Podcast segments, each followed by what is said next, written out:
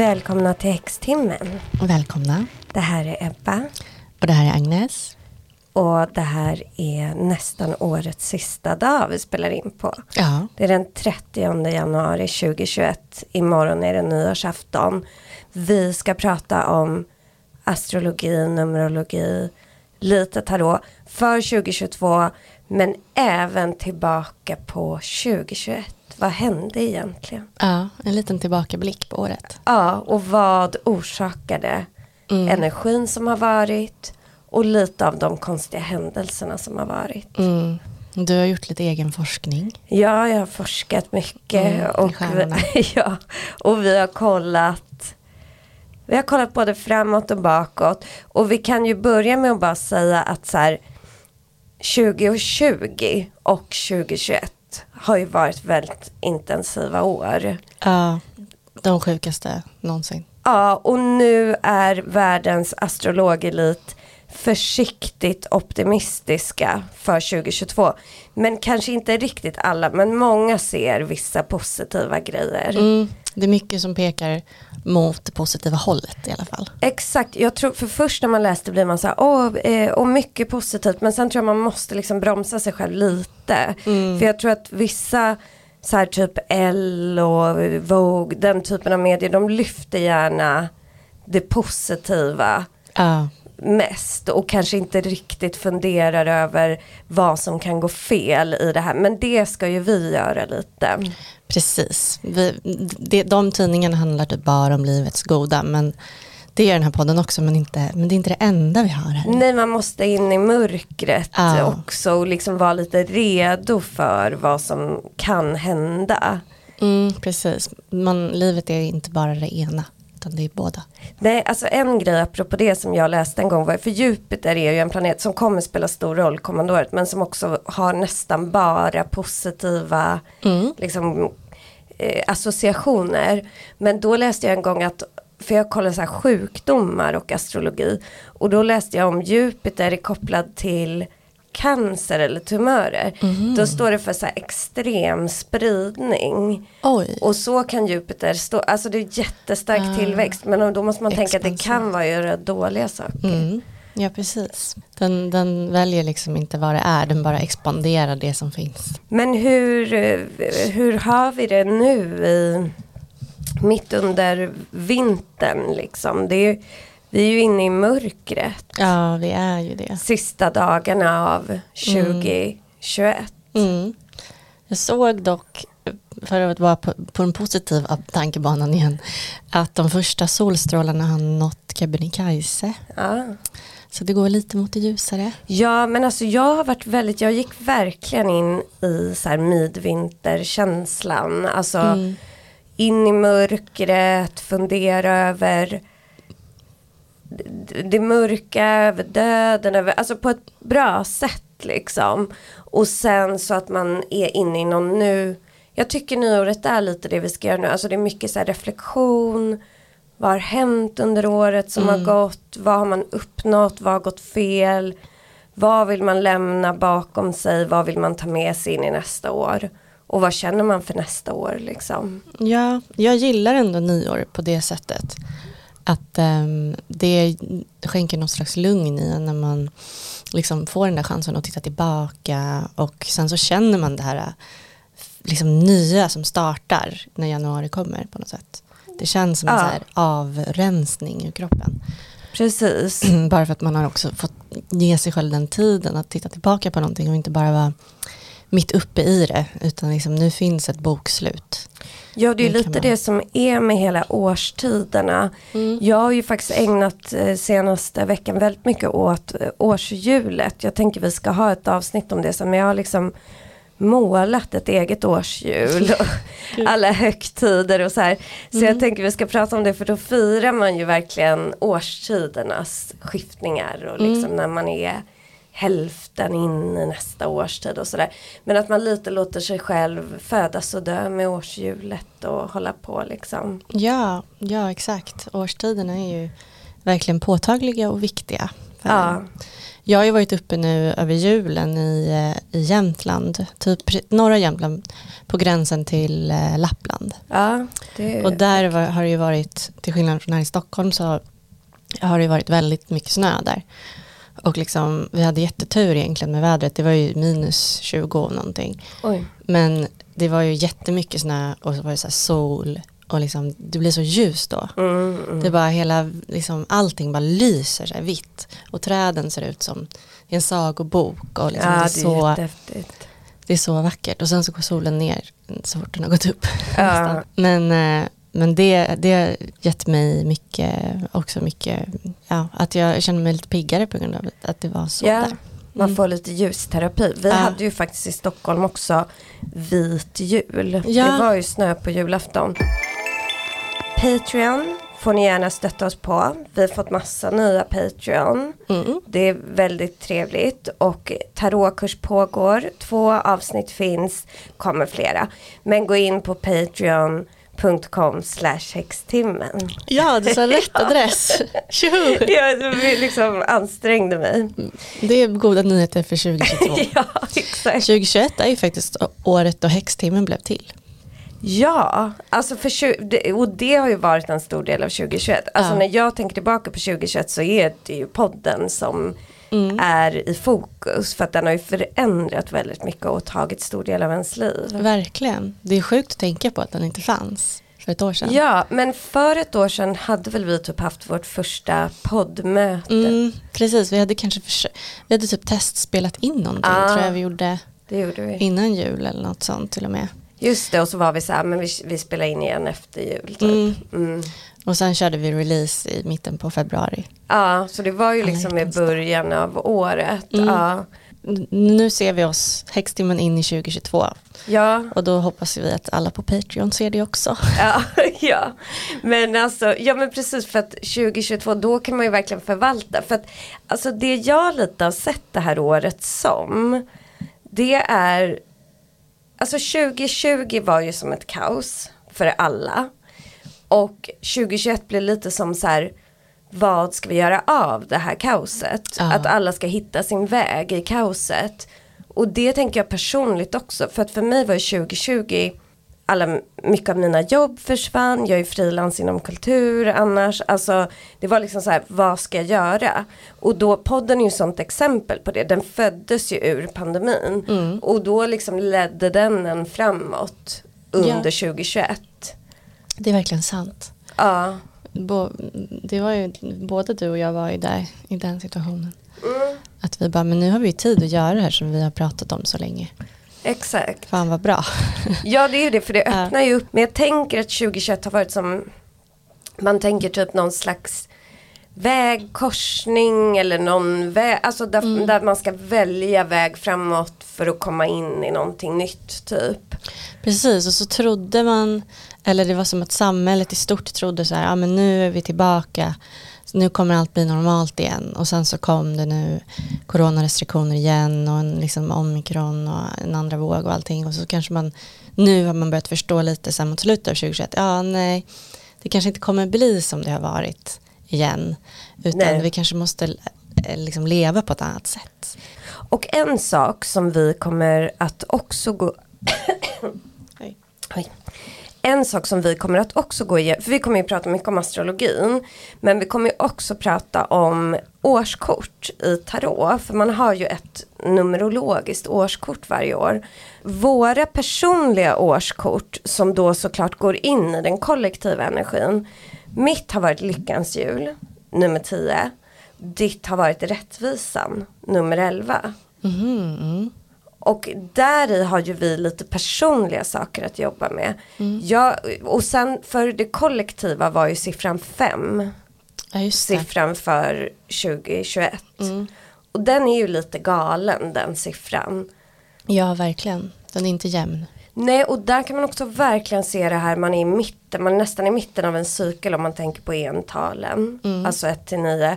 Och då är siffran 5 som något sådär, var ska vi gå nu, var ska vi ta vägen, vad ska vi göra av den här energin. Det kan både gå åt kaos och bra saker. Ja, verkligen. Men jag kan säga att jag har känt av lyckans jul väldigt mycket. För det är ju ett år av så här chanser, möjligheter, saker händer, dörrar öppnas men både bra och dåliga saker. Och att det på något vis markerar en ny cykel som man går in i. Och så har mitt år varit, alltså det har varit toppar och dalar, intensiv energi, lite åt, alltså det känns som 2021 och det här är nog inte bara jag. Men det känns som att vi, alltså katarsis tänker jag på. Vi har dött och återfötts flera gånger under året. Ja, verkligen. Ja, man har liksom bara ner, och det har verkligen varit det här, ner i skiten för att vakna upp igen. Mm. Och det har liksom hänt gång på gång. Det tänker man också på samhället med så här covid typ. Alltså att det var så här, nu är det borta, nej nu är det tillbaka, nu, nu stänger vi igen, nu öppnar vi, alltså Ja, den precis. känslan. Va- Varför vaccinerar ni inte? Vilka är vaccinerade? Ja, Ja, ja. Det är alltid någonting liksom, fram Ja. och tillbaka. Man kastas fram och sen dras man tillbaka. Liksom. Precis och det där som var i början av året, typ så här, åh vaccinet kommer, fast vaccinet funkar inte. Alltså Mm. sådana där, och så nu funkar det, nej det funkar inte. Liksom mycket så. Ja, precis. Ja, men jag, det har jag, jag känner också igen det verkligen, att det varit så här, ehm, att det har verkligen varit ett år där man har inte haft någon riktig riktning i början av året i alla fall. Och verk, verkligen varit så här, vad ska hända nu? Alltså vad som helst kan hända. Det var ju också det man lärde sig av, av 2020, att vad som helst kan hända. Verkligen, för det var man inte beredd på innan 2020 riktigt. Men ditt eh, personliga årskort har ju varit nummer 11, eh, rättvisan, som jag faktiskt har 2022. Mm. Och eh, då så är det ju så att det handlar om att skapa balans, lite om att hitta den här vägen i detta. Alltså så här, att titta på karman, hur vill jag leva mitt liv, vad ska jag hitta, hur ska jag rikta energierna framåt. För det ser jag framåt med mitt år då av 2022 där jag har rättvisan. Att så här, nu har saker hänt, massa grejer. Får man på något vis forma den energin och rikta den framåt för något så här eh, långsiktigt eller vad man ska säga. Ja, lite så. Och då har jag nummer 12, eller? Ja, i år. Ja, det är ju den hängande. Mhm, Okej. Det är lite uppoffringar, Mm. lite stillastående energi kan det vara, men också väldigt andlighet. Mhm, okej. Och liksom att hitta nya perspektiv. Världen eh, ändras och vi ser på saker med nya ögon. Ja, jag känner det här att det kan stämma. Jag tänkte att jag kan gå igenom lite för dig Agnes och lyssnarna. Hur, vad, hur det var astrologiskt 2021. Mm, en liten run-through. Ja, typ bara de absolut största grejerna. Mm. Men för att det, de, det är två planeter som verkligen har varit så här huvudspelare under 2021. Och som faktiskt tyvärr kommer att fortsätta vara, eller tyvärr, alltså det beror på hur man ser på det, men kommer fortsätta vara det mycket under 2022 också. Men det är Saturnus och Uranus. De har varit i flera sådana här som man kallar kvadraturer mot varandra. Det är liksom en hård aspekt som skapar spänningar. Och 2021 är första gången de har varit det på 20 år så det är ganska ovanligt. Vad det innebär, då får man liksom tänka lite på vad de här planeterna står för. Och de har ju så här väldigt olika energi. Uranus, det är liksom rebellen, står för plötslig förändring. Det är också planeten som styr Vattumannen, man tänker sig plötsliga nycker, idéer, innovation. Men verkligen rebellen. Medan Saturnus är den stränge, den som kräver ansvar, den som ger order. Kanske den som bygger struktur. Och då är Uranus den som vill bryta strukturen och liksom skapa nytt.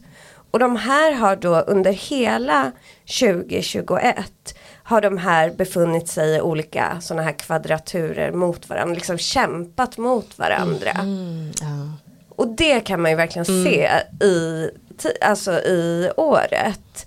Det var en astrolog som heter Kelly Fox som då för ett år sedan gav 2021 temat pågående konflikt. Mm. Och det kan man ju se. Men jag tänkte på det här med, alltså med Uranus och och Saturnus, för det har ju hela tiden varit där, vi, som vi sa, vi ska ta vaccin, nej det ska vi inte. Ner till våra egna liv, för typ som podden tar mer och mer tid, det är en helt nytt sätt att jobba för oss, kanske förändras liksom karriärer och allt möjligt i och med det. Alltså, mm. ja, det är mycket som har liksom så ställts på sin spets, att ska vi göra på det nya sättet eller ska vi tillbaka till det ja, som var. Precis, man tror också så här, ja nu är 2020 slut så nu är corona slut. Men nej ja. det är det inte. Eller så här, ja. nu är Trump inte president längre så allt är bra. Fast nej det betyder inte att, att alla har bytt åsikt som gillade Trump innan. Nej. Eller liksom sådär. Nej. Så det, man tror att det ska vara så här, phew, men sen så är, fortsätter konflikten pågå ändå trots att man inte är så här mitt uppe i typ ett eh, något så här riots eller någonting liksom. Ja. Som var stämningen innan. Ja men precis.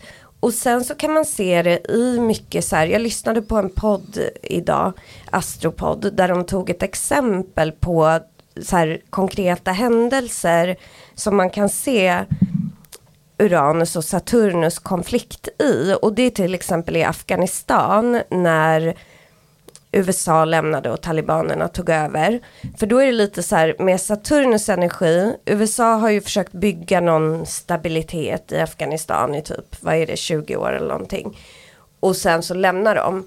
Och då är det så här, hur stark var den här strukturen ni hade byggt upp med typ Saturnus? Och där kommer Uranus in och bara, den var inte alls stark överhuvudtaget så den bryts direkt liksom. Ah shit, ja den följer verkligen bara som ett korthus. Ja det gjorde den verkligen. Ja.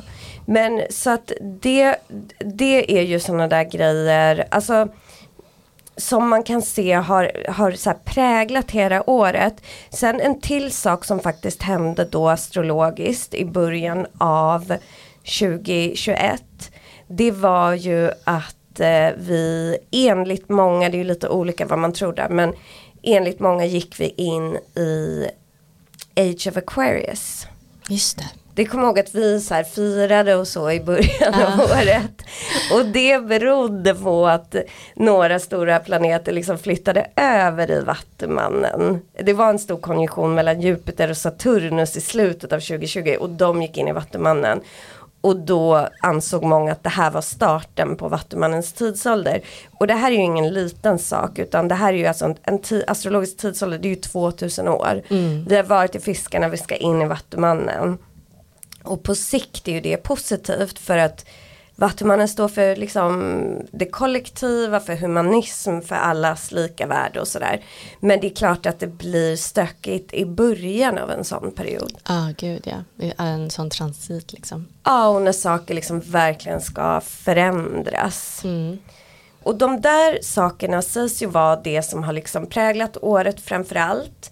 Men sen tror jag att det som de flesta kommer ihåg på ett ganska personligt plan det var ju Eclipse-säsongen i maj-juni. Som även sammanföll med Merkurius retrograd. Och då var Saturnus och Uranus inblandade i det här för solen var i en konjunktion med Uranus och Saturnus under den här perioden. Och det kan jag nämna också att den här Saturnus-Uranus konflikten den var som starkast i februari, juni och december 2021. Mm. Så det var då det liksom ställdes på sin spets den Eclipse-säsongen var ju rätt brutal kommer jag ihåg. Det var också, det var ju när det var Merkurius retrograd i tvillingen. Ja just det. Samtidigt som alla de här, ja som Solomon förmörkelsen. Mm. Det var ju då X kom tillbaka och sånt mm. där. Just precis innan sommaren där. Ja, ja. ja. Det var sjukt. Ja. Det var faktiskt väldigt sjukt.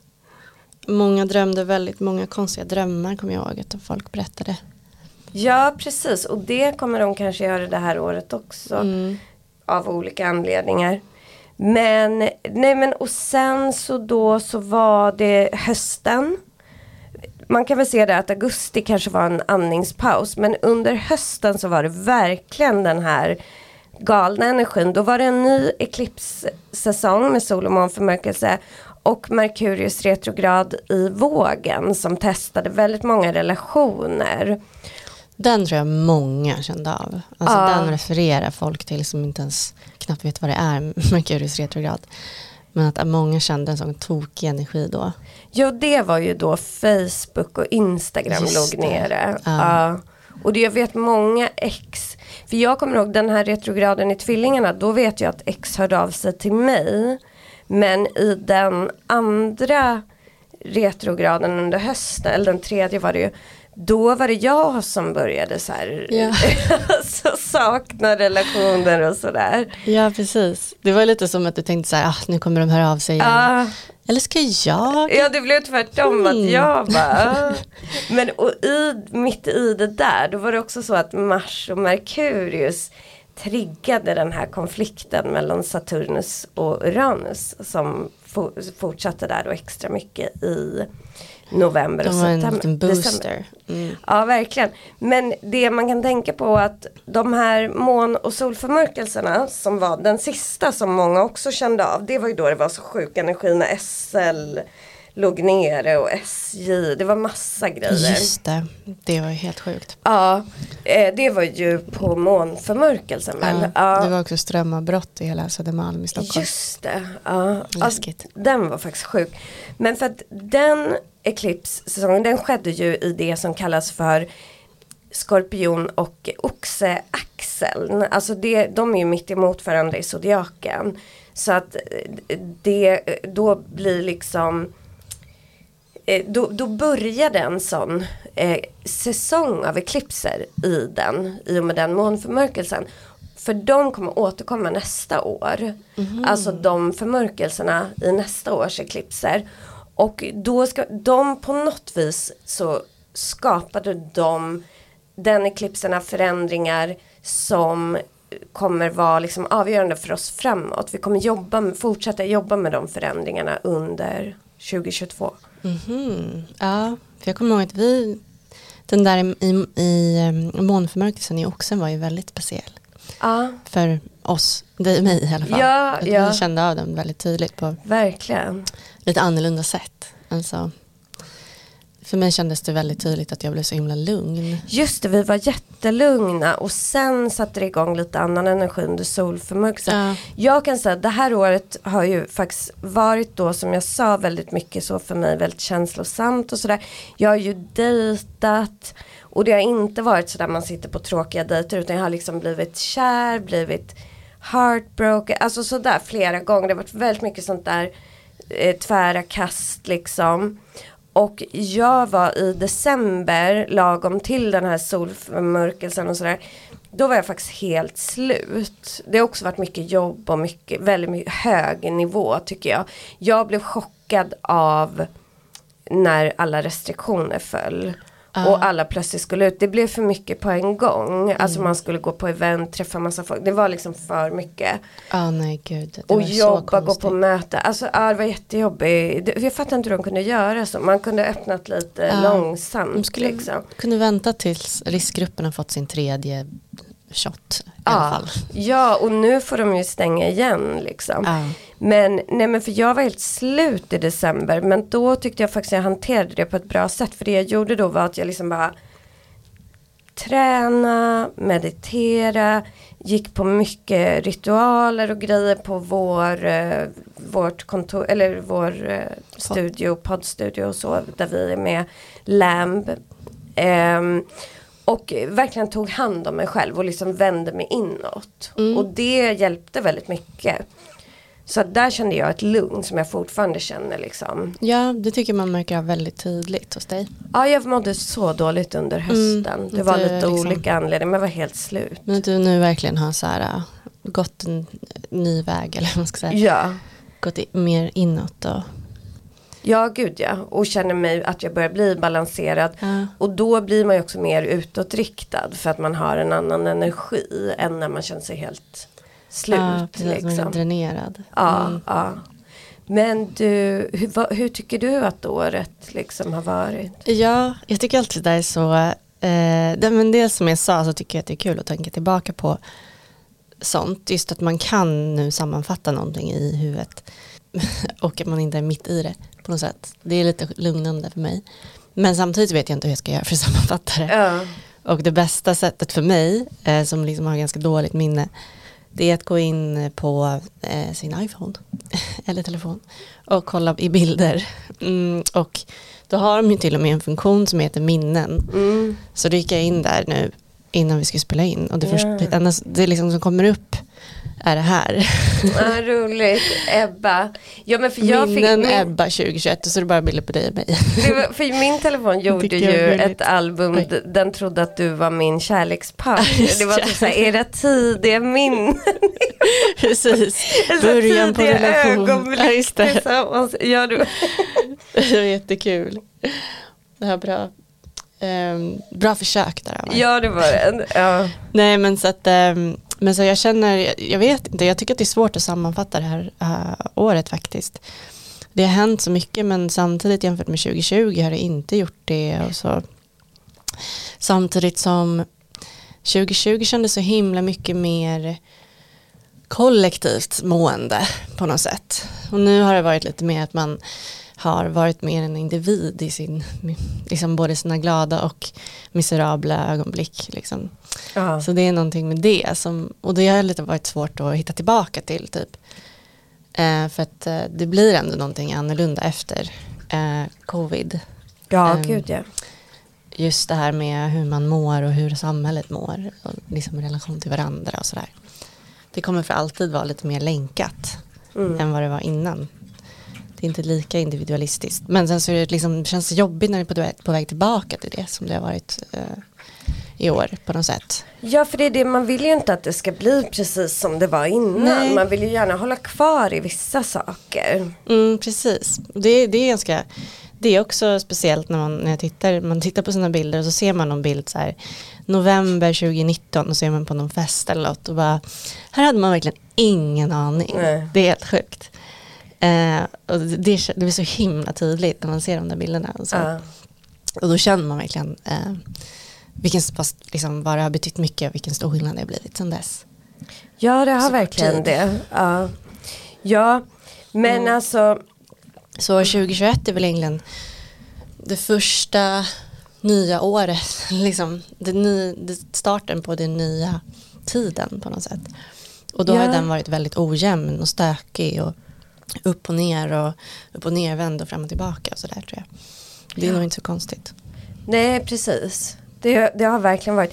Men sen har man ju nu när vi pratar om det och sådär vad man har gjort. Det, varit- det var väldigt mysigt. Jag minns väldigt mysiga där i början av året när vi var mycket hemma hos i din mammas lägenhet vid Ja, Odenplan. Mm. Och det var jättemycket snö så jag och Elfin gick dit. Alltså och gick hem ofta på kvällen Mm. så var vi där och typ spelade in podd och ja men sådär. Drack vin och så vi hade väldigt, det var en väldigt trevlig tid. Ja, det var jättemysigt. Ja, ja, nej det har varit, alltså det har ju verkligen varit mycket bra saker. Men jag tror för mig kan året vara, jag tror våren var nog mer eh, liksom, alltså våren var lite lättare tror jag. Sommaren var lite blandat och hösten var ju tuff alltså. Mm. Ja, Det, eller liksom inte så att jag mått dåligt så, men alltså just om man tänker energimässigt. Mm. Ja. Ja, precis. Men det var ju också det där i början av året att man var så här, det fanns så mycket hopp också. Det var hopp och så var det något skönt i också att saker liksom inte riktigt kunde hända. Alltså Ja. det fanns också något så här. Det är ju något skönt i Mm. när allt står lite stilla. Precis, Liksom. Och det ligger inte på mig. nej, nej. Utan det är så här, nu får vi se vad som händer, jag kan inte göra någonting. Men nyhetsåret, det Ja. har ju inte bara varit liksom vårat år. Nej. Även om man kan tro det med häxtimmen. Men alltså, för det har ju varit mycket covid. Det har ju varit mycket vaccin. Mm. Det har varit blockering av Suezkanalen. Löfven har avgått. Regeringen fälldes. Det har varit mycket sådana där grejer. Så- Afghanistan som vi nämnde. Restriktioner försvinner, restriktioner kommer och går. Kapitolium var ju en galen grej. Precis, det var ju så året inleddes. Just det. Den 6 januari 2021. The insurrection of America. Ja, då, och då skulle alltså eh, Trump avgå och Mm. Biden flytta in. Precis, de var ju, det var ju ledamöter, eh, amerikanska sådana, i, i Kapitolium, det här stora huset i USA. Mm. Bra beskrivning va? ja. Och då skulle de rösta eh, enligt vad väljarna hade tagit fram då för underlaget. De skulle rösta eh, på vilken president det skulle bli eh, i USA. Och då gick inte Trumps, varken Trump eller hans anhängare med på att de skulle rösta bort honom. Så då stormade de helt enkelt till den här byggnaden och liksom alla de här ledamöterna och allting fick gömma sig i någon liksom, sånt panic room och det var liksom någon som sprang in och, och yes, vad var det de gjorde? Tog en flagga. Som gjorde ju typ inte så mycket. Jag har sett på någon dokumentär om det där. De typ satt där och gick runt. Och, alltså. De visste liksom inte riktigt vad de skulle göra när de kom in. Nej. Um, men det var ju Trump som hade uppviglat till det här. Um, så, att, så att han blev ju avstängd både från Twitter och Facebook för alltid. Just det, här måste man ju säga man kan se lite det här Saturnus-Uranus temat. Mm. Ja, alltså typ någon stabilitet mot någon slags uppror. För Uranus rebell men också liksom upprorsmakare och sådär. Mm. Precis och um, det, om man har, man har kollat lite på det här och man kollar runt på internet så finns det många som har kollat på astrologin just kring den dagen också. Och vad som ledde upp till att, eh, att det blev en stormning av Kapitolium och typ eh, någon, vad det var som, hur himla valvet såg ut, vad det som föranledde det här. Och det, var, det finns väldigt många olika aspekter, mycket med Trumps chart också. Mm. Han har ju väldigt stormigt chart då tydligen. Han är ju tvilling visst. Ja, uh. precis. Hans big three är, är tvilling, skytt, lejon. Oj. Så han har lejonascendent. Mm. Som du. Ja, ja. Eh, men skytt och tvilling tycker jag passar honom väldigt mycket. Ja. Lejon också till viss del. Ja men lejon typ för att han vill så här synas och höras och så. Mm. Eh, det är väl den aspekten på lejonet kanske mest som är hans. Och inte så mycket alla de här trevliga delarna. Nej. Men som sagt astrologi kan ju inte, kan ju inte avgöra om man är en bra eller dålig person. Nej. Jo men det var väldigt mycket som pågick i Trumps chart innan den här äh, stormningen. Um, och uh, det är det jämt, hans chart är tydligen väldigt stormigt överlag enligt astrologerna på internet. Um, så det kan man, det ska vi inte fördjupa oss i så mycket. Men, men däremot så hade ju Mars varit i retrograd precis innan. Och den är ju det bara så här vartannat år, eller hur? Ja. Så, det, så, I vanliga fall brukar Mars vara i, i väduren i typ två veckor. Men nu hade den varit där i så här jättelänge. Jag vet inte om det var sex veckor eller om det var Oj. mer. Liksom. Mm. Äh, för den hade varit i retrograd. Just det. Det ska bara... Mm. Fick ingen luft. Um, och så när den här stormningen ägde rum då stod Mars i väduren i en eh, vinkel som är 29 grader som också kallas för the anaretic, the anaretic degree alltså snarare ödesvinkeln, mm. alltså fate degree. Uh. Och det är liksom när, när en aspekt är i sin peak så att säga. När, precis när Mars ska lämna väduren så bara så här stormar all så här, storm i Mars energi ihop med väduren ihop liksom. Då ska den så gå ut ur tecknet som är liksom ett bang in i mm. oxen. Det var precis det som hände. Så Oj. efter en väldigt lång, lång tid i väduren så ska Mars lämna väduren. Och då, det var samma dag som the resurrection hände. Mm. Eller vad säger jag, the insurrection. Mars är ju knepig. Ja, uh, precis. Och Mars höll också på jättemycket i Trumps chart. För Mars känns ganska mycket Trump. Ja, uh, men precis. Så den, eh, det påverkar honom väldigt mycket också. Och hans Merkurius eh, och massa olika av hans hus och så. Förutom det så var det också att månen stod i kvadratur med Pluto. Och det kan liksom leda till destruktivt beteende. Och eh, liksom att djupt begravna känslor kommer upp till ytan. Mm. Och kanske lite det som hände. Ja, precis. Och sen är det också en annan grej att eh, för just i år i januari så var det Saturn Return för internet. Mm -hmm. Så att den, den befinner i sin 30-årskris. Mm. Och det är om man räknar internet från den tiden liksom när det började bli sådär kommunikativt att det fanns forum och det fanns att man kunde nå varandra på nätet. Liksom. Eh, Mm, så att, det kan man ju märka på internet. ja. så den Att befinner den har sig liksom. 30-årskris. Precis. Mm. Och alla de här äh, människorna som stormade Kapitolium hade ju liksom läst sig till alla de här konspirationsteorierna och blivit uppviglade av Trump och sådär just via internet. Om man ska exakt. liksom ha en sån basal tanke. Men, men det är ju så och internet är liksom måste bes- beskåda sig själv nu och bara vad, vad är jag på väg någonstans? Ja och man hoppas för där kommer ju Saturnus in som bara nu skärper du till det. Alltså så här, titta på vad du håller på med. Det är lite det Saturnus gör. Ja. Alltså så här, nu måste du. Precis. Och då kan man reagera med att bara nej jag skapar ännu mer kaos. Eller att försöka förändra. Mm. Och så man hoppas ju att internet Mm. alltså, det håller på att ta tar sig ur sig i det krag. Exakt, vi måste ta nästa steg nu. mm. Och ett stort steg var ju att de, faktiskt Trump blev liksom eh, blockad från Facebook och Ja, Twitter. Verkligen. Och då, det roligaste var att när han blev det så gick han in på POTUS, alltså presidentens Twitterkonto Mhm. och började twittra. Som han inte ens egentligen fick twittra på eftersom han inte var president, Nej, typ. Inte, I alla fall inte länge till. nej. nej. Så blev han blockad därifrån också. Ja, han är ju galen. Ja, Men alltså för det där med Kapitolium var ju lite, som du sa, det inledde året. Och det var ju lite sån känsla då, vad är det som händer kände man ju. När man tittade på det så blev man lite ändå så här, vad är det? Att man liksom, det Ja. blev så surrealistiskt. För att de typ hade kanske en bäver på huvudet. Alltså, ja. Men jag tyckte också att det var så surrealistiskt, för jag såg då någon dokumentär på SVT om det här typ för några månader sedan.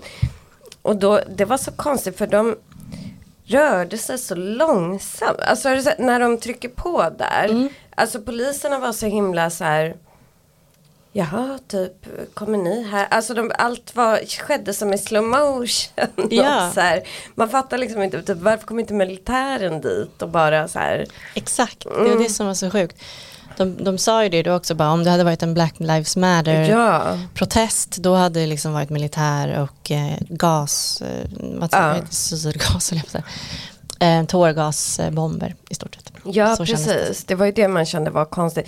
Men ja, det där inledde ju ett, eh, alltså det var, det inledde året och det var någon slags kulmen tycker jag på så här, lite det här med Trump och allt konstigt liksom. Ja, och, och då var man liksom lite så här, men nu är han ju bortröstad. Mm. Det här kan ju inte hända. Ja. Sådana här konstiga saker ska inte hända igen. Han vägrade ju att sluta. Ja, En sjukt obehaglig grej som står på Wikipedia och sådär men som en av våra lyssnare tipsade om. För vi bad ju på Instagram att de skulle berätta vad de ville höra astrogrejer om. Mm. Det var ju alltså att under tre veckor i Sverige så död, alltså under tre veckors tid så dödades fem kvinnor helt oberoende av varandra i Sverige. Just det, kvinnomord. Ja, fem kvinnomord under bara tre korta veckor. Var det, var det här typ någon gång i somras? Eller? Nej. Det började 30 mars, Mhm. eller natten 30 mars till 31 då 18-åriga Elin Klinteberg försvann i Hör i Skåne. Och eh, det blev som där stor sökinsats, man hittade henne avliden. Hon är den första då som blir mördad. Och hon hade blivit mördad visade sen då av en killkompis som slog ihjäl henne. Typ när de var på väg hem från någon Gud. Ja, verkligen sjukt. Men och sen den 2 april så hittas en svårt skadad kvinna i Huddinge. Hon dör då till följd av sina skador dagen efter. Hon har blivit misshandlad och så. 15 april, min mormors födelsedag faktiskt. Eh, attackeras en kvinna vid ett resecentrum i Linköping. Hon avlider sen då till följd av skadorna. 16 april hittas en kvinna död i sin lägenhet i Älta i Nacka. Efter att hon har blivit utsatt för våld. Och 17 april så attackeras en kvinna och utsätts för våld i centrala Alvesta. Och hon dör på platsen. Och hon är då den femte kvinnan som dödas i Sverige. Oj. Under tre veckors tid. Ja så det var ju väldigt eh, Mm. obehagligt. Jag kommer ihåg att det var mycket om det mm, just kring våld, mäns våld mot kvinnor och så. Mm. Att det blir så tydligt. Ja och det här var sjukt också för det var sådär bara utsätts för våld i ett center. Alltså man vet Mm. inte ens om de typ kände de här. Jag har inte gått in på varje mord. Det enda mordet jag vet lite mer om är hon den här första Elin Mm. Klintberg. För jag kommer ihåg det att det var sådär saknad kvinna och sådär. Men hon mördades ju alltså av en typ Ja han var väl tio år äldre än henne men liksom en killkompis. Det är ju rätt sjukt. Så sjukt. Men det som jag, för jag har tittat lite på den här tiden då astrologiskt och vad som hände och vad man kan koppla till det här. Jag har inte tittat på liksom deras enskilda transiter eller så eftersom man tänker att det här är något kollektivt. Men jag tänker att man måste tänka på allt det här året mot bakgrund av den stora astrologin. Alltså det vi pratat om, de här Saturnus och Uranus eh, temat och eh, förmörkelserna och sådär. Men en sak som skedde i mars då, innan det här satte igång. Det var att vi fick en liksom väldigt emotionell energi genom en nymåne i fisken i mars. Och den ska ha liksom rört upp väldigt mycket djupa känslor, så här, det inre, kanske saker djupt inne i oss. Alltså det här kan ju låta fint när man läser så här, ah, den, vi har en chans att djupdyka i vårt, eh, i, i vårt innersta psyke på en djup nivå och så. Men om man tänker att det är typ en incel som gör det eller någonting. Eller en man då som kanske plågas av det här Saturnus-Uranus temat liksom kontroll, samhälle mot eh, nycker eller liksom så. Så blir det inte så härligt. Eh, så att det här kan ha rört upp grejer. Sen förflyttas allt över i väduren. Då det blir liksom en väldig eldenergi och det är från att ha varit det här väldigt djupa som har rört upp mycket så blir det så här nu ska jag agera. Så jag tänker att de här känslorna i de här männen kanske har rörts upp och sen med väduren ska de bara agera och få ut det här. Plus att det var en super, alltså det var två fullmånen under den här tiden. Det var en supermåne i Skorpionen 26 april. Så det var två fullmånar under april. Det är också den här väldigt liksom intensiva känslomässiga energi. Och då kan man tänka det här, skorpionen, fisken, vattnet väcker känslorna. Sen går det över i eld med väduren som vill att vi ska agera på våra känslor. Pluto gick in i retrograd i april. 27 april gick Pluto in i retrograd. Pluto är ju dödsplaneten, inte bara men delvis. Och en retrograd har ju en skuggfas innan. Så att alla de här morden skedde egentligen i skuggfasen av Pluto-retrograden. Så jag tänker Pluto retrograd, vatten, eld, Scorpio, dödstema. Alltså det drog upp mycket. Och jag tänker också att män kanske inte har så nära till sina känslor. Kanske blev väldigt påverkade då av den här fiskmånen som satte igång massa saker. Och sen då med väduren så kände de bara nu kör jag liksom. Jag har alltid velat mörda någon. Det är ju säkert många som känner så. Mm. Det är faktiskt sjukt. Men Ja. det ibland är det så, så sjukt pass enkelt. Så att eh, det kan man väl se det. Man kanske kan skylla på Pluto retrograd kring det här. Ja, ja, jag tror, jag läste också att män är ju väldigt lätt påverkade av fullmånen tydligen. På, ett, på liksom ett negativt sätt. Tydligen så sover män mycket sämre. Det kan ju också fullmåne. göra att man mår dåligt. Alltså att sova dåligt. Precis. Vi fick ju faktiskt vår första kvinnliga statsminister. Ja, det fick vi. Magdalena Andersson.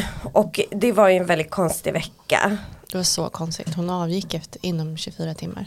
Ja, och sen blev vald igen. Mm. Det här var ju under hösten när allt var väldigt knasigt. Här får man ju också väga in det här eh, Saturnus Uranus. Ja. Det känns som att det återkommer hela tiden. Verkligen. Det, det är så tydligt just med den grejen. Verkligen. 100 år efter kvinnlig rösträtt får vi henne. Ja. Och sen så försvinner hon direkt. Precis. Och sen kommer hon tillbaka och hon är inte folkvald utan hon är liksom, ja. Ja det är ju lite tråkigt men men alltså hon är ju faktiskt vattuman. Mm. Hon är född 23 januari, en mm. dag efter jag fyller år. Men och det om man har lyssnat på vårt avsnitt där vi pratar om eh, politiker, vad de är för stjärntecken. Och att typ alla statsministrar och presidenter är fasta tecken. Mm. Som ju då är vattuman, oxe, lejon och skorpion.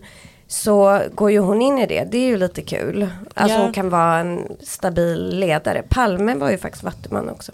Det är båda väldigt gott. Ja, vi får hoppas det. ja. ja. Löfven var ju kräfta. Ja. Det var Undrar vad han hade i sina andra. Det känns så. Han har också en speciell energi. Ja, men han var ju så känslig tycker mm, jag. Det är sant. Och det, alltså jag har inget emot honom.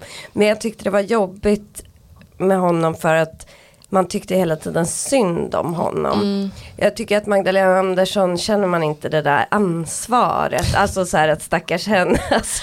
Nej, Nej, men hon kan så här, ta om de uh. där är idioter. Han kunde liksom inte det. Nej det är verkligen sant. Och så vill man inte känna om en den högst uppsatta politikern. Nej det blir liksom, liksom jobbigt. Det är den som ska ta hand om mig. Eh, ja, ja men för jag orkade typ inte titta på de där debatterna, inte bara på grund av det men lite för att jag kände att det bara var så här mobbning typ, mot ja. honom. Ja. Verkligen, och han kunde inte försvara sig. Men han såg så ledsen ut. Ja, precis. Man vill ha en statsminister också som är mycket, mycket smartare än man själv, alltså att man känner det. Och är så här lite hård faktiskt. Ja, precis. Alltså det är klart man ska kunna ha mjuka ledare men inte på det sättet. Alltså Nej Typ Obama som vi ofta pratar om, han känns ju rätt mjuk men ändå hård. Mm, precis, han, han är ju liksom lejon. mänsklig men, men också vet vad han tycker och vad han står för. Ja, alltså jag, jag, kollade inte så mycket, det här var ju i eh, november, mm. alltså 24 november och då får man ju tänka på vad som pågick då. Alltså det var ju då vi hade eh, typ månförmörkelse, det hade precis varit Merkurius retrograd, alltså det var mycket sådana där grejer. Så att det pågick, men sen så läste jag lite på Magdalena Anderssons då egen, eh, egna transiter och det var faktiskt rätt spännande för hon hade Pluto gjorde en kvadratur mot hennes Mars. Jupiter gjorde en sån här triangel mot hennes Mars eller trekant. Och eh, hon hade också solen som gjorde en triangel mot hennes midhaven.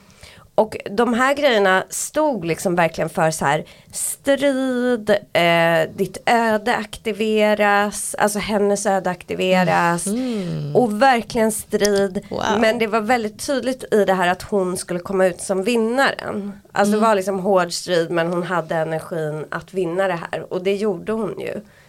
Mm. Så det ja, var verkligen. som att hennes charts bara, bara liksom lystes upp under detta. Men när hon, och när hon liksom sen igen av, var tvungen att avgå då visste hon redan, när hon gjorde det så visste hon ju att hon skulle komma tillbaka igen typ dagen efter. Det ja. bara var så här formalia för att de fick budgeten nerröstad. Eller hur? Mm. Så, att, ja, och så där känns det ju lite med henne. Hon har ju den energin liksom mm. av att bara köra på. Mm, verkligen. Men ska vi gå in på 2022 då? Ja.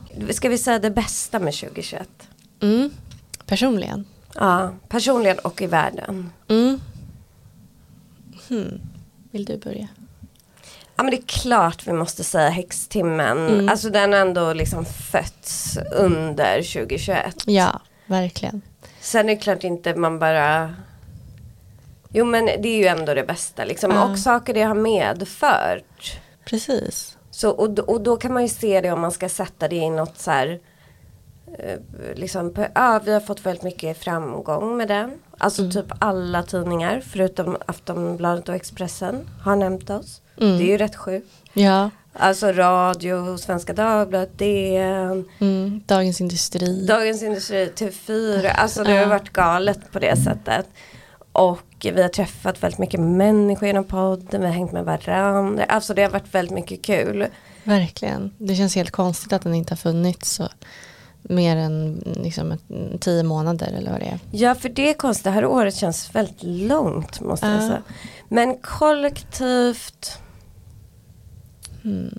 Svårt. Alltså ja, det, jag, alltså jag kan känna en kollektiv värme på något sätt som är lite konstig.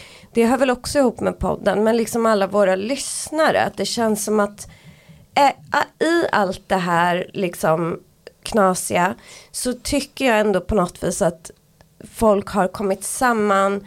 Det har skett mycket så här andliga uppvaknanden. Alltså det har skett mycket andlig utveckling. Att folk börjar söka och sådär. Och så tycker jag att vi har liksom fått ta del av det mycket genom våra lyssnare och genom Instagram och sådär. Och det är ju Ja. väldigt kul. Jag håller med. Alltså, det, kän- det är så himla... Bara den här känslan av att man inte heller gör någonting bara ut i ingenting. Ut i någon slags eter. Utan man gör det så får, får vi gensvar på det och få kontakt med alla som lyssnar. Och de följer oss på Instagram och sådär. Ja. Vi är liksom över 4000 följare nu. Det är ju helt fantastiskt. Ja det är så kul. Och jag tror att corona, om man ska säga en till sån sak då som jag var inne på som corona gjorde var ju att skapa en väldigt spirituell Ja. boom liksom, eller medvetenhet. Ja, och jag blev så positivt överraskad. Jag förstod nog inte hur stort det är. Att det är så många som har hittat i det nu. Jag trodde nog att det inte var lika liksom, ehm, uppskattat eller ehm, så många är intresserade av det. Och det, Nej. blir bara, det bara märker man mer och mer för varje dag. Ja det är faktiskt väldigt häftigt. Det får vi vara tacksamma över i Ja, precis. Jag träffade på, på julen så träffade jag på min partners gamla kompisar från skolan. Du vet, så här hemvändartider typ, i Östersund. Som började prata med mig om stjärntecken Mm. direkt. Och liksom kunde så mycket om stjärntecken. Det var jättekul. Ja, Och eh, det hade jag ingen aning om. nej men det är ju så, Det man blir förvånad hela tiden. Mm. 2022, Ja, spända. ja verkligen. kanske inte lika rädda som vi kändes när vi satt och pratade om 2021. För jag minns att vi gjorde det. Mm. Vi var i och för sig typ väldigt hoppfulla men också lite så här skärrade. Ja, då var liksom vaccinet var bara någon slags hägring Mm. som skymtade vid horisonten eller något sånt. Det var väldigt abstrakt att det skulle ens ske då. Och vi läste att Jessica Adams, ett väldigt känt medium, sa att vaccinet inte skulle funka. Ja. Och hon har, eller hon sa att vaccinet kommer inte lösa covid. Och det kan man ju ändå ge henne rätt. Precis. Det är I alla sant. fall inte det här vaccinet. Då såg man fortfarande framför sig hur alla skulle vaccinera sig och sen skulle det här vara som, ja. som en bortglömd historia. Ja, men okej om vi tittar lite kollektivt då på 2022. Då har vi ju först och främst siffran 2022. Snygg. Den är snygg och i detta kan man ju ganska snabbt förstå 2 är på ett sätt en viktig siffra i det här. Men när vi lägger ihop det här då blir det ju 2 plus 0 plus 2 plus 2 är lika med 6. Mm. Så numerologiskt har vi ett årstal som är siffran 6. Och i tarotkort så har ju varje siffra har ju ett tarotkort som liksom i den stora arkanan då som verkligen förkroppsligar den här siffran. Och siffran 6 kort är lovers eller de älskande. Mm. Det är alltså kärlekskortet kan man säga. Och det finns väldigt mycket positivt i siffran 6. Jag ska bara säga en sak innan man går in på mer vad det betyder och det är att Lovers har en skuggsida. Det finns i kort nummer 15. 15, 1 plus 5 är lika med 6. Och det är djävulen. Så man måste titta lite på båda de här korten för att förstå vad siffran 6 innehåller. Man kan se siffran 6 som en väg mot någonting. Alltså vi har ett år som är ytterligare en väg mot något. Men i siffran 6 finns också gemenskap, alltså kärlek, tanken på det kollektiva, det som är bra för andra, läkande, att göra uppoffringar och kärlek faktiskt.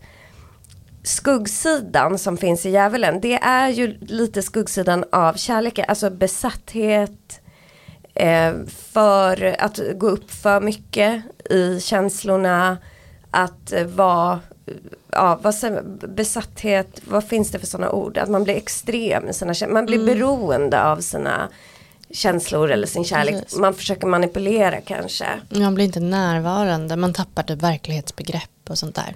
Mm. Ja, och man blir eh, eh, Ja precis, manipulation kan finnas där mm. också. Just man kanske vill manipulera någon av kärlek men det kanske inte är bra ändå liksom. Mm. Men, men så att i siffran 6 så finns mycket bra och också då i Lovers. Men för att ast astrologiskt så finns det ju mycket som pekar på att 2022 faktiskt blir ett ganska så sensuellt och kärleksfullt år. Och det stämmer ju då väldigt bra med numerologin. Men också tycker jag man ska säga med siffran 6 en healingresa kan man se det som också. Mm -hmm, okay. Så vi kan ju hoppas på det i alla fall.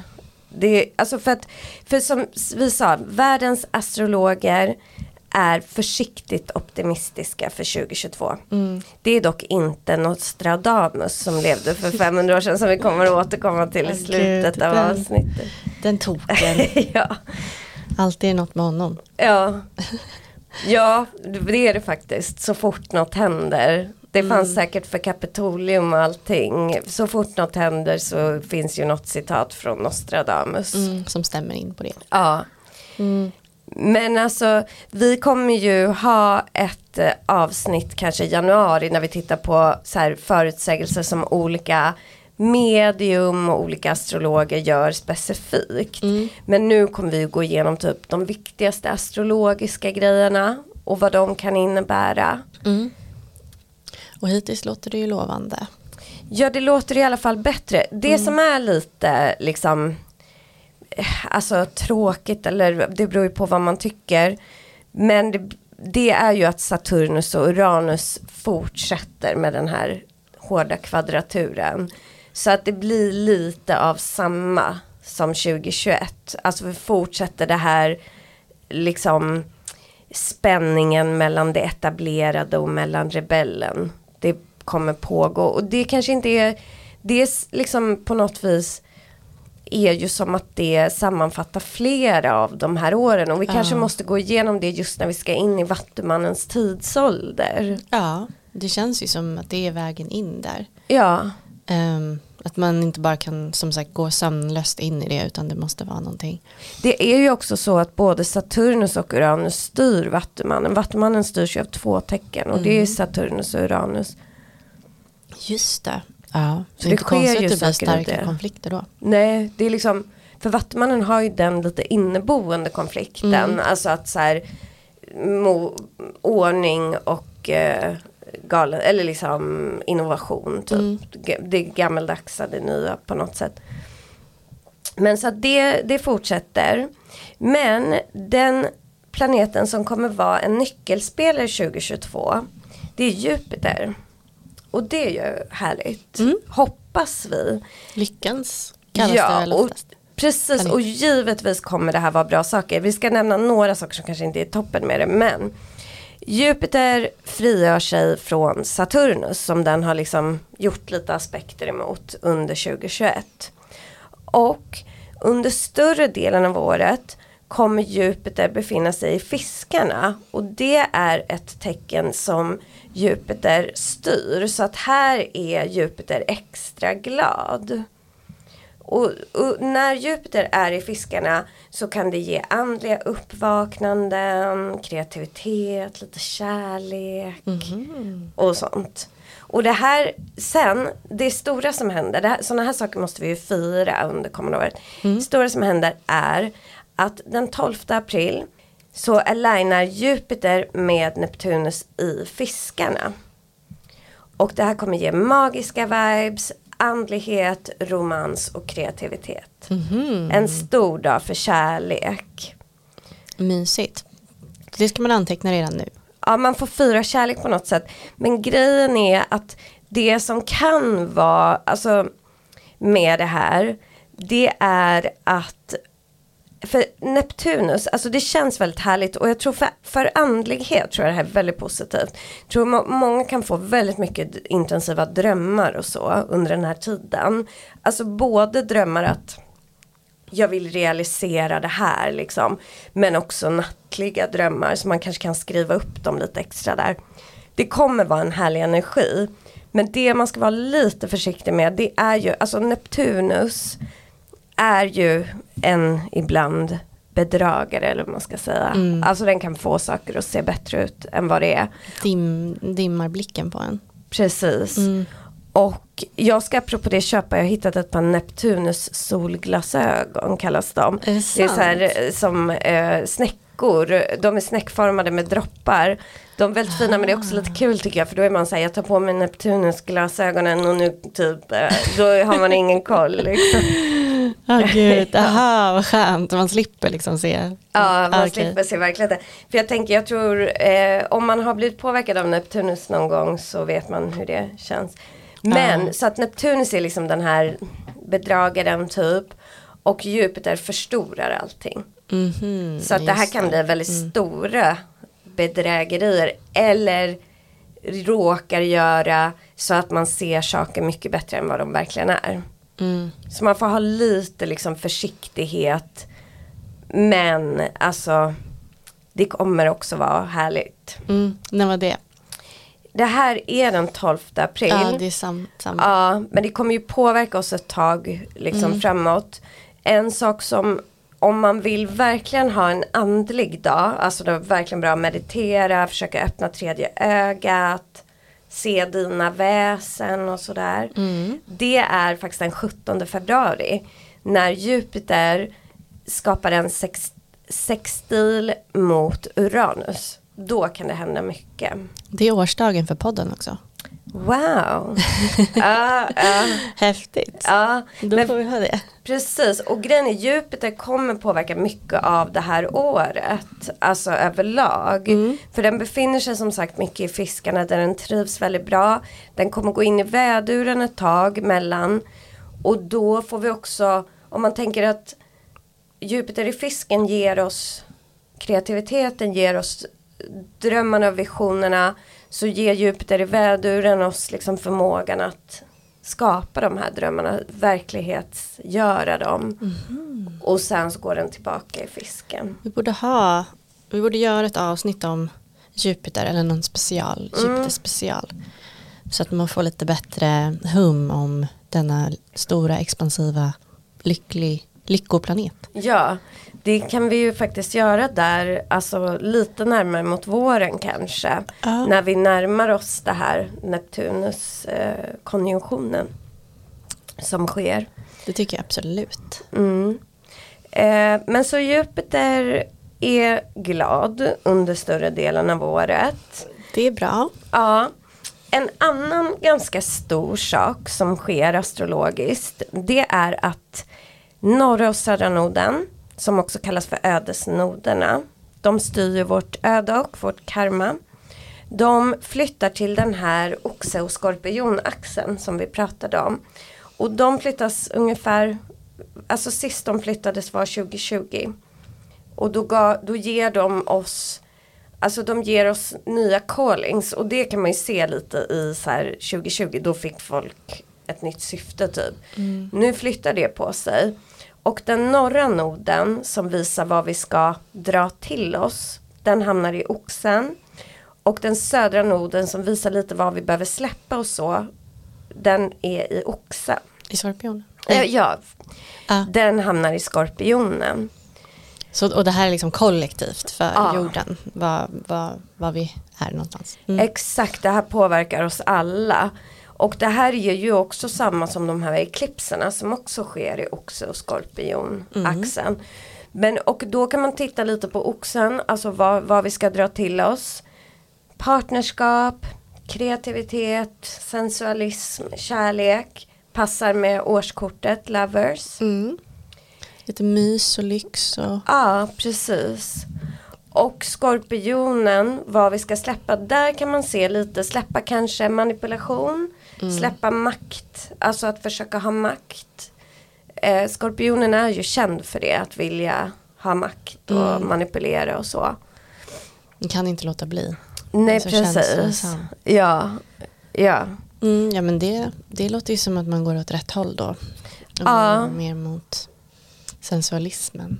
Ja men precis och det är väl mycket det här året kommer faktiskt handla ganska mycket om det. Sen är det Noderna gör också ett möte med Uranus den här sommaren. Och då kan det oväntade ske. För här har vi ju igen Uranus som är den liksom kungen eller drottningen av det oväntade. Den möter noderna. Så då kan det bli så att man hamnar åt ett helt nytt Mhm. öde eller vad man ska säga. Alltså det kommer in något i ens väg som man börjar följa eller liksom en stor förändring. Men nu befinner vi oss i december, januari snart. Ja, Och vi är mitt, året inleds ju faktiskt med Venus retrograd. just det. Vad, vad betyder det då? Vad ska vi tänka på då?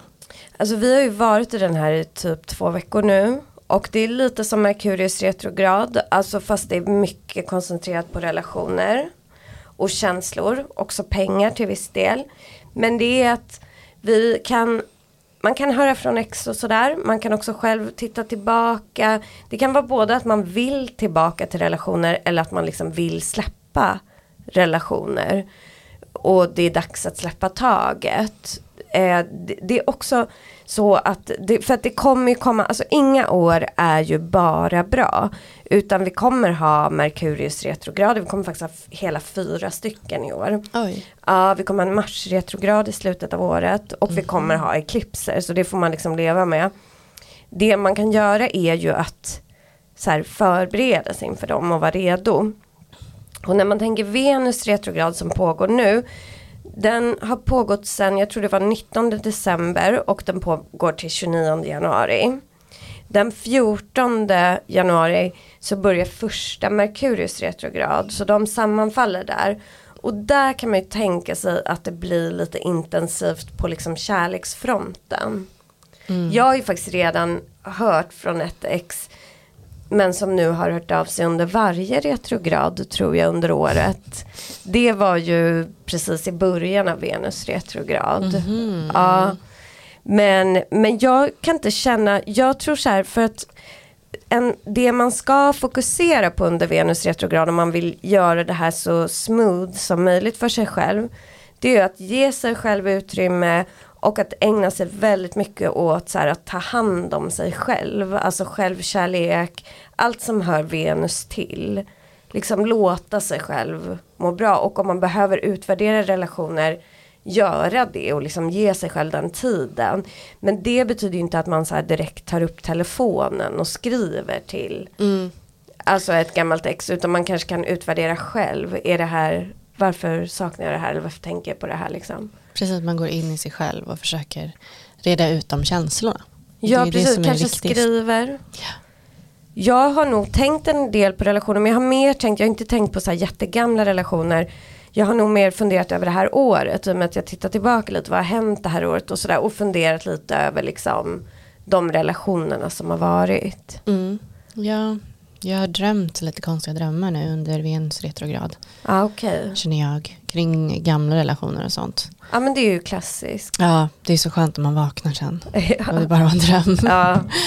Men har du, alltså för jag tänker att det här kommer nog intensifieras den 14 januari. Mm. När Merkurius och Venus båda är i retrograd.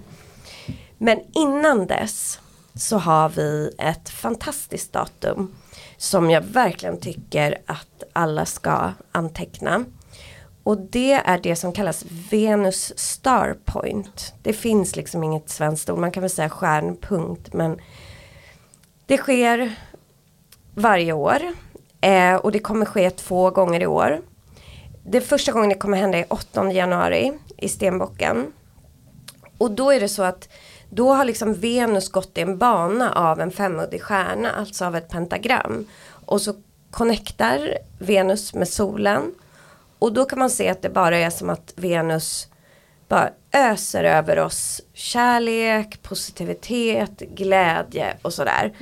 Så den här dagen, 8 januari, det är innan Merkurius retrograd.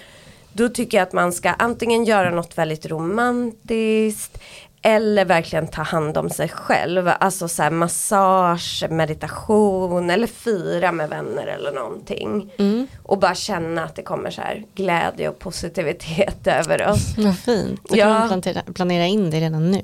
Exakt. Mm. Andra gången det här sker är 22 oktober och då sker det samtidigt som höstdagjämningen i vågen. Så det kan man också fira. Det man ska tänka på då är att det då sker under det som heter via combusta och det är alltså när 15 grader vågen, 15 grader skorpionen och då är våra känslor väldigt förstorade. Så då kan man ha en förmåga att kasta sig in i saker. Allt blir extra starkt. Så jag tycker vi kan ju fira den här första till att börja med, eh, Venus Star Point. Det man ska tänka på under Venus retrograd som även är under Venus Star Point det är faktiskt att man ska, eller ska får man väl göra som man vill men det är inte en bra tid att liksom dejta eller träffa nya relationer. För att oftast så är det så att de man träffar under en Venus eller Merkurius retrograd de relationerna håller inte. Så att det är bättre att ta hand om sig själv under den här tiden och sen börja dejta för det kommer efter Venus retrograd och efter Merkurius retrograd så kommer det en fantastisk tid att dejta och träffa nya. Jaså? Mm, Och det är vår och allting. Ja, nästan vår. Det här börjar den 12 februari och den 12 februari och den 12 mars och perioden däremellan. Då har vi några så här härliga Venus och Mars konjunktioner. Så då är Venus och Mars liksom glada med varann. Och det är ju maskulin och feminin energi kan man säga. Och de är också väldigt nära oss de planeterna så de påverkar oss väldigt mycket. Så då är vi liksom öppna, vi är romantiska, vi är mjuka och alla andra är det också. Och då, så man kan inleda våren med det. Så att om man är singel nu eller så här, då kan man ge sig själv lite paus i dejtinglivet. Och är man i en relation så är ju Venus retrograd en period då relationer som inte är bra tar slut. Alltså de relationer som är hållbara och bra överlever ju en retrograd. Men finns det saker som är svårt i relationen så kanske de tar slut. Mm, Okej, ja, det kan ju vara något bra. Det också. är ju ofta något bra, även om det är jobbigt. Vi Mm. märkte ju på våran Instagram, för där brukar vi fråga så här, hur har ni upplevt? Och vi märkte ju att väldigt många relationer verkade ta slut under eclipse-säsongen Ja, som var nu verkligen. senast. Ja, november, december typ. Mm. Och många verkade vara ledsna, men det var också mycket sådär, det, det är nog för det bästa men det har varit sjukt jobbigt.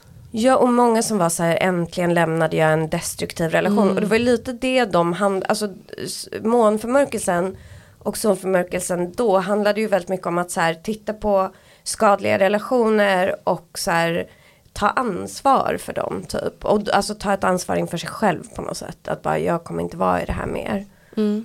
och skapa Just jag kommer ihåg, för, jag, för mig skedde det mer på ett yrkesmässigt, alltså med jobbkollegor. Eller kollegor är det inte, men folk jag jobbar med i, som uppdrag och så. Mm. Att jag kände att det här är maktbalansen för skev, jag måste liksom säga ifrån eller Sätta ner foten. Ja, och då skedde ju det Alltså det blir ofta ilska när man gör en sån sak. Alltså från motparten. Men det var ju för det bättre. Folk visade sina true colors. Ja, Exakt, och det kan ju vara bra. Ju tidigare de gör det, desto bättre egentligen. ja verkligen. Men, så att, ja, det, men också då Merkurius retrograd. Det är ju det i år också. Och vi har faktiskt hela fyra förra Mm. året. Precis, det är ganska ovanligt. Det brukar alltid vara tre, Ja. minst två i alla fall. Ja, precis. Men och Merkurius retrograd för de som inte känner till det.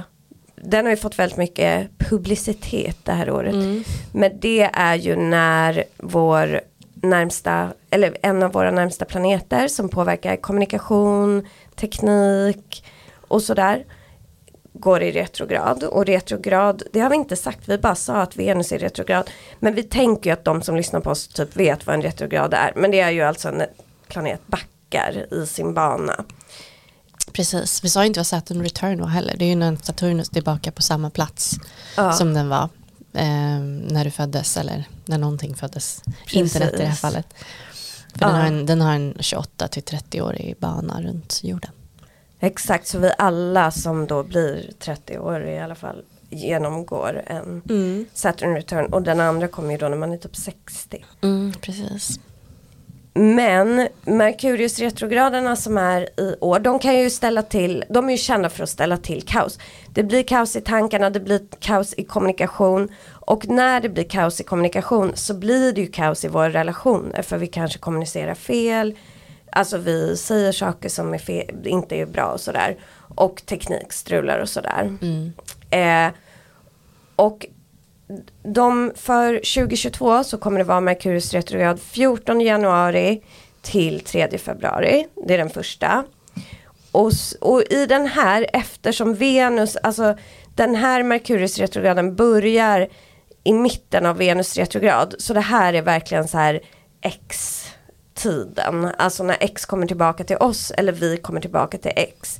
Vi kan också känna en ganska temporär så här, ångest och oro över kärlek och pengar. För Venus styr till viss del också pengar och tillgångar. Nästa re- Merkurius retrograd 10 maj till 3 juni. Den börjar i tvillingarna och fortsätter in i oxen. Den som kommer efter sker 9 september till 2 oktober i vågen och även lite i jungfrun. Och den sista sker 29 december till 18 januari 2023 i stenbocken. Så det, de datumen kommer ju vara då lite, Då kan man markera i sin kalender. ja, Spara, mm, ta, liksom, gör inte specifika, gör inte så mycket då. man ska inte göra massa uppdateringar Nej, på teknik. Mm, Man ska vara lite försiktig. man ska chilla med det mesta. Ja, ja, exakt, ta det lite lugnt. Gå inåt istället. Ja, precis. Det är väl det som är. För att det var så sa faktiskt Lisa Kelly en bra sak så här. Tänk på re i retrograd. Alltså recharge, rethink. Eh, alltså så här, man ska fundera, analysera, åter, ja, tänka. Ja, precis. Som att man rör sig baklänges och inte framåt. Ja, precis. Sen så blir det också eklipser. Och det är ju mån och solförmörkelse. Det vi kallar eklipssäsonger. Och då fortsätter, det blir två eklipssäsonger, fyra eklipser totalt. Och då fortsätter då de här eklipserna, den här oxe och skorpion axeln som började i november, december. Och den första solförmörkelsen har vi 30 april i oxen. Den första månförmörkelsen sker i skorpionen 16 maj. Och sen har vi en solförmörkelse i 25 oktober och en månförmörkelse i oxen den 8 november. Mm. Och det är de. Sen så kommer det sista vi tar upp nu det är att Mars kommer vara i retrograd och det sker bara typ ja, varannat år ungefär. Så att planeten som representerar vår drivkraft, vår energi, vår passion och sådär kommer gå i retrograd. Och det sker i eh, tvillingen. Den 30 oktober börjar det och pågår ända till 12 januari. Så att ja, vet, vi får återkomma till det tror jag. Men det kan nog bli lite jobbig energi. Alltså En till insurrection. ja, ja. ja men vad tänker Mars? För att om man tänker på retrograd så tänker man vad planeterna är, vad de har för personlighet. Mm. Typ Venus är sensuell och kärleksfull och så här. Mars är driven, lite aggressiv och sådär. Och då när de hamnar i retrograd så mår ju inte de så bra. Då kommer deras sämre sidor fram kan man tänka. Och då blir det liksom. Precis, aggressiv stämning Mm. i det tecknet också. Ja, Så mm, som vi sa nu så var det ju i, sist var det i väduren och nu är det i tvillingen. ja, Ehm, så det får ju lite olika betydelse då. precis. Väduren eldar ju på Mars ganska mycket. Och tvillingen, ja vi får se. Den har ju en annan energi än väduren. Ja, det blir, det blir eh, intressant. Men alltså det man kan titta nu, för det här är ju bara ganska brett. Vad händer för året? Vad är de stora sakerna? Det man kan kolla också som vi nämnde innan. Det är ju vad man har för personligt tarotkort för året. Inte bara vad som är det kollektiva. Även om det påverkar oss också. Och det man gör då. Det är alltså bara att man plussar ihop datumet man är född. Alltså dagen. Plus månaden. Plus det nya året. Alltså så om man är född 5 maj.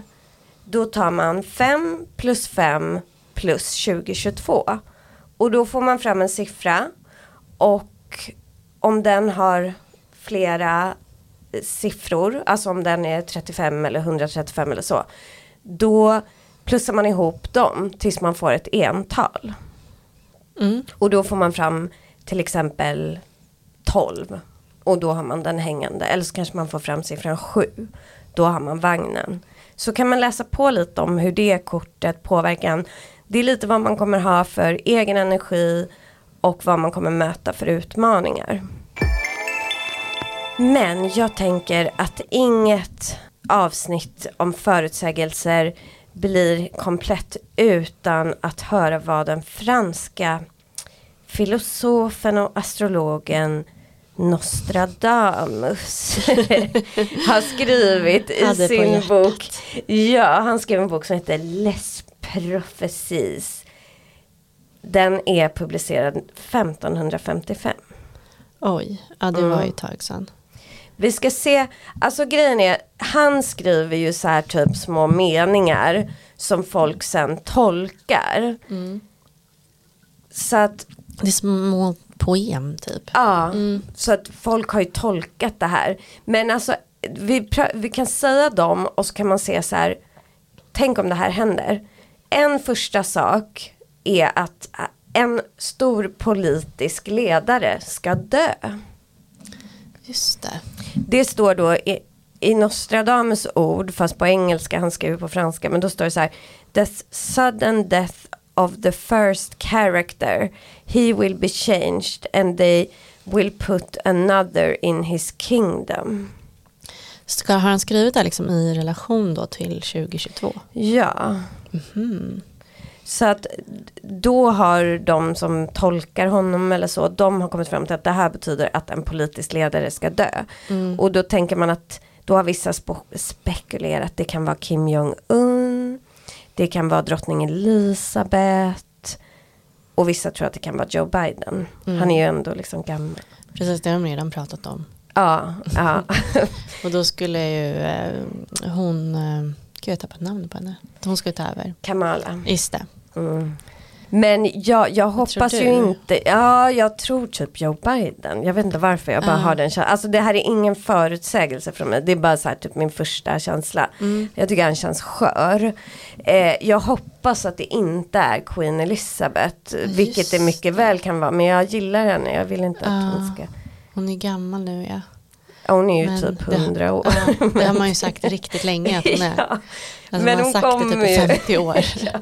Men hon kommer ju dö någon Ja, gång liksom. Det ja, kommer man precis. inte ifrån. Nej. Kim Jong-Un har ingen aning varför han skulle dö. Men han kanske blir avrättad eller någonting. Ja, exakt. Men det, du vet inte vad de har för sig där borta. Nej. Main character kan ju också vara någonting.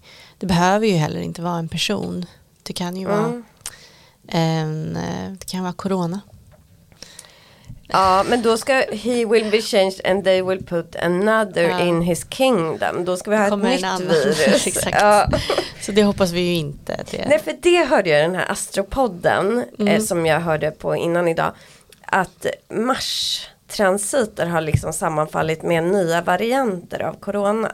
Jaha, Så att när omikron kom så var det en så här Mars-transit med typ Plut. Ja det var någon så här. Och när den där Delta kom så var det samma sak. okej. Så att de som jag lyssnade på trodde att det skulle komma någon gång i vår. Så kopplat med det här Jupiter Neptunus på något sätt för att det var någon Mars-grej där. Okej, det måste vi kolla upp. Mm. Undrar, mm, vad har han mer sagt då? Nostradamus säger dramatic effects of climate change. Och då säger hans ord. Like the sun, the head will seal the shining sea. The live fish of the black sea will almost boil. Oj. Alltså vattnet blir så varmt så att typ fiskar dör och så. Mm.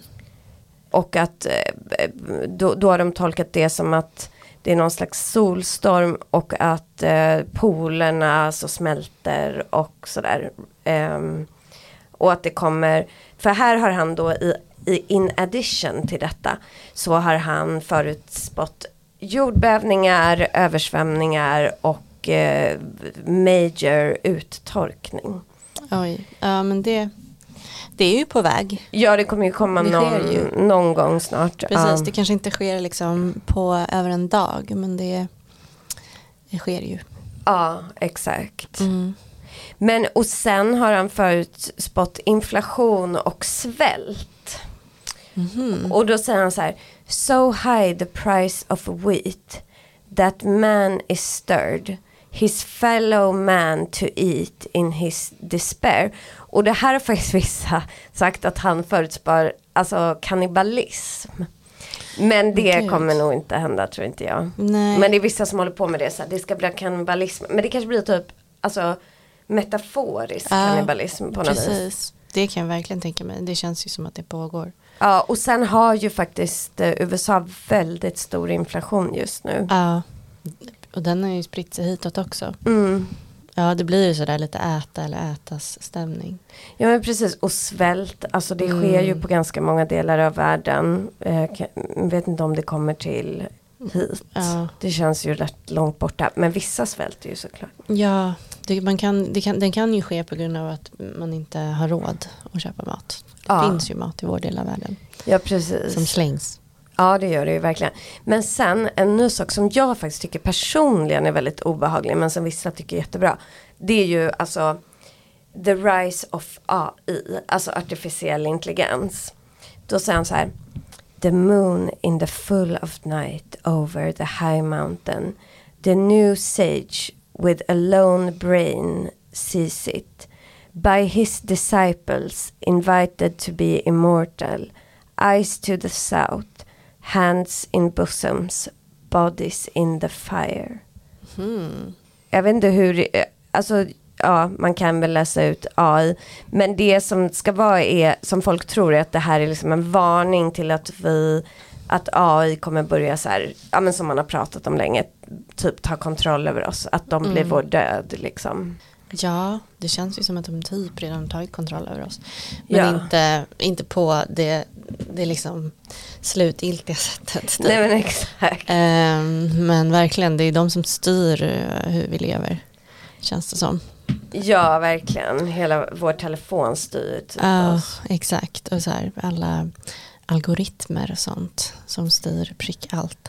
Allt Ja, jag gör på jobbet sjukt. styrs typ av algoritmer egentligen. Ja, För att eh, jag skriver ju som jobb. ja. Copy, eh, copy skriver jag, alltså reklamtext.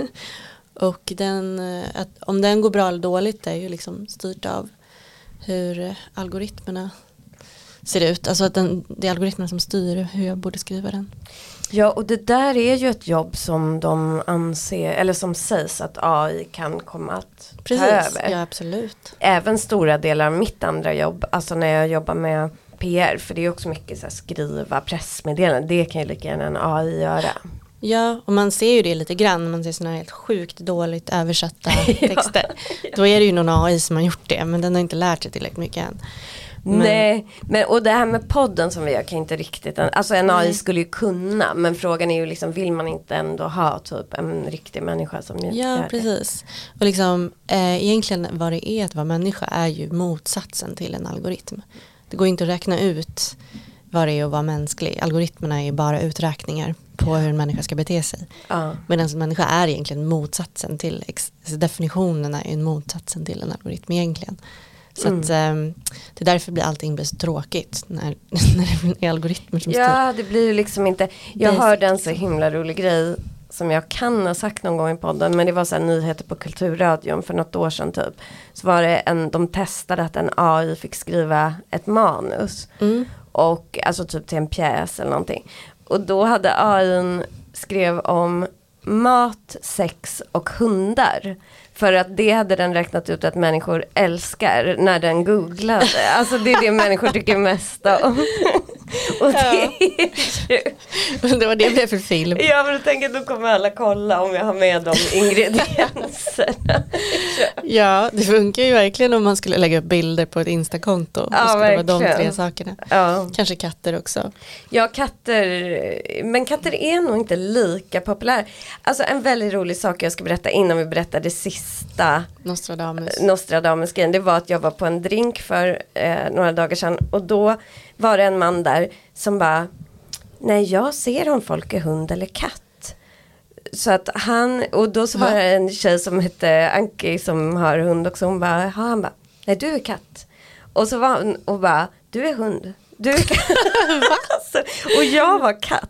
Okej. Men alltså jag ser mig varken som hund eller katt. Alltså Mm. jag har ju en hund men jag gillar ju båda. Men jag var tydligen katt.